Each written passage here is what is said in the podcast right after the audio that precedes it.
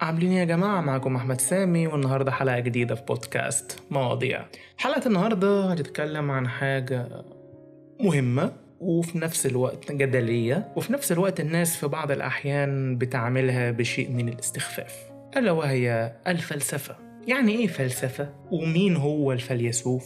ومين هم الفلاسفة؟ وهل هم فعلا ناس مؤثرين في الحياة وفي الكوكب وفي الإنسانية وفي التاريخ بتاعنا ولا مجرد ناس بتعمل كتب عشان تحصل على شهرة زائفة كما قد يعتقد البعض؟ كل ده كلام متداول عن الفلسفة بالطبع زيفا عشان الفلاسفة ليهم أهمية كبيرة جدا في الحضارة بتاعتنا وفي التاريخ بتاعنا. الفلاسفة هم الناس اللي قدروا يطرحوا أسئلة ومش شرط يجاوبوا عليها لكن يطرحوها. الطرح دوت هو اللي بيخلي الناس التانية حواليهم يفكروا. والتفكير مع الوقت ومهما كانت الطريقة المستخدمة في عمل هذا التفكير بنوصل لنتيجة النتيجة بقى تكون صحيحة خاطئة في النهاية بيتم تصحيحها بما يعرف بآلية التفكير العلمي. أي اللي إحنا يبقى عندنا ملاحظة الملاحظة نبني عليها فرضية ونبتدي نجرب تلك الفرضية ونشوف إذا كنا هنقدر نطلع منها بحاجة منطقية ولا لأ.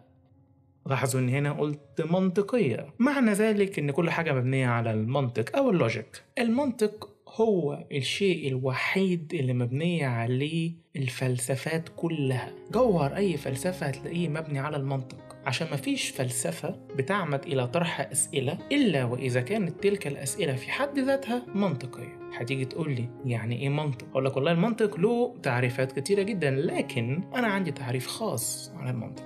المنطق هو الحاجة اللي أنت ممكن تعملها بشكل فطري بدون تأثير البيئة المحيطة. يعني افترض أنت اتولدت صغير طفل.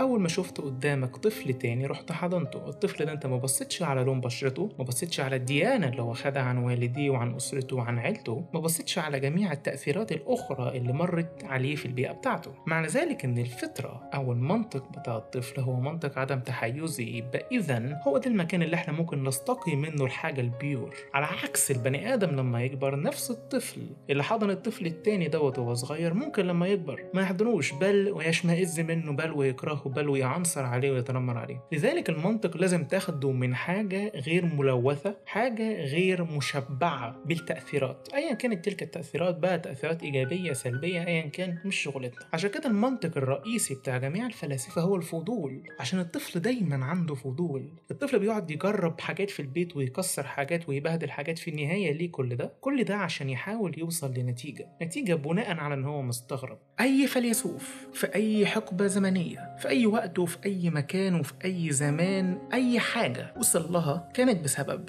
الفضول. أي فيلسوف عنده فضول الطفل بيقول ده حصل ليه؟ بناء على إيه؟ وإيه اللي ممكن يترتب عليه؟ طب ولو غيرنا الصياغة الفلانية لو غيرنا التركيبة لو غيرنا البيئة لو غيرنا الظروف لو غيرنا لو غيرنا لو غيرنا. كل الأسئلة دي مش شرط الفيلسوف يجاوب عليها لكن ممكن حد تاني بعد مليون سنة حتى بعد وفاته يجاوب عليها. عشان الإنسان عنده قدرة غير طبيعيه على حل المشاكل وطرح الأسئلة اللي بتظهر له لما يجي يحل المشكلة اللي فاتت فيطلع له مشكلة جديدة فيبتدي يطرح أسئلة فيبتدي يدور على اجابات تاني والحلقة تستمر. عشان كده الفلسفة هي ركن أساسي في الحضارة الإنسانية بتاعتنا. أي إنجاز وصلت له البشرية في يوم من الأيام وصلت له لأنها طرحت سؤال إنها استغربت. الاستغراب أدى لتطبيق فعلي لذلك الاستغراب. فحصلنا على كل الاكتشافات العظمى اللي إحنا وصلنا لها دلوقتي. نفترض إحنا سألنا نفسنا إحنا اتوجدنا إزاي؟ هوب مع الوقت اكتشفنا علم الأحياء بيولوجي سألنا نفسنا الأرض بتتصرف كده إزاي؟ هوب بقى عندنا علم الجيولوجي وجميع العلوم الأخرى طبعا العلوم الحقيقية أنا ماليش دعوة بالعلوم الزائفة زي التنجيم والخزعبلات دي لكن جميع العلوم الحقيقية وصلت بالتساؤل وصلت بالفلسفة. ولذلك نقدر نقول إن أي عالم موجود حاليا أو زمان أو في المستقبل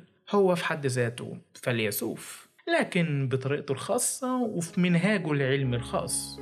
عشان كده الفلسفة هي أنت ماضيك حاضرك وبالتأكيد مستقبلك. بدون الفلسفة وبدون التساؤل وبدون التشكيك في كل شيء وأي شيء أنت مش هتبقى ليك قيمة. مش شرط قصاد المجتمع لكن برضه قصاد نفسك. الإنسان قيمته بتتجلى في إن هو يخلق فلسفته الشخصية الخاصة مش إن هو يستقيها من حد تاني. كلنا بنحصل من أهالينا ومن بيئتنا المحيطة على الأديان على التقاليد على العادات على على على. لكن هل إحنا اخترنا تلك الأشياء؟ هل إحنا بإرادتنا الخاصة وبدون ضغوطات خارجية؟ اخترنا اللي إحنا نبقى واحد اتنين تلاتة أربعة؟ ما أعتقدش إن حضرتك ممكن تكون اخترت كده. طبعا أنا ما أقدرش أعمم لكن أعتقد بنسبة كبيرة للأسف الناس ما بتختارش حياتها.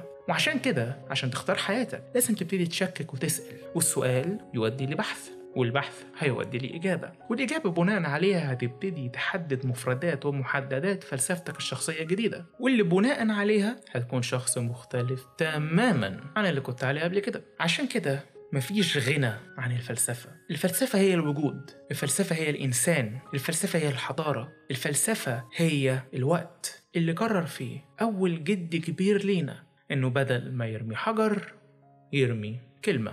النهاردة سلطنا الضوء على حاجات كتيرة جدا خاصة بالفلسفة. يمكن خدشنا بس السطح أو ضربنا على القشرة الخارجية البيضة بتاعت الفلسفة. لكن أنا سعيد باللي إحنا اتكلمنا فيه النهاردة. بل ومتحمس إن يجي يوم من الأيام أقدر أناقش معاكم الفلسفة بشكل أكثر حرية أقل تقييدا وأكثر شمولية. كان معكم أحمد سامي وأشوفكم الحلقة الجاية من بودكاست مواضيع. سلام.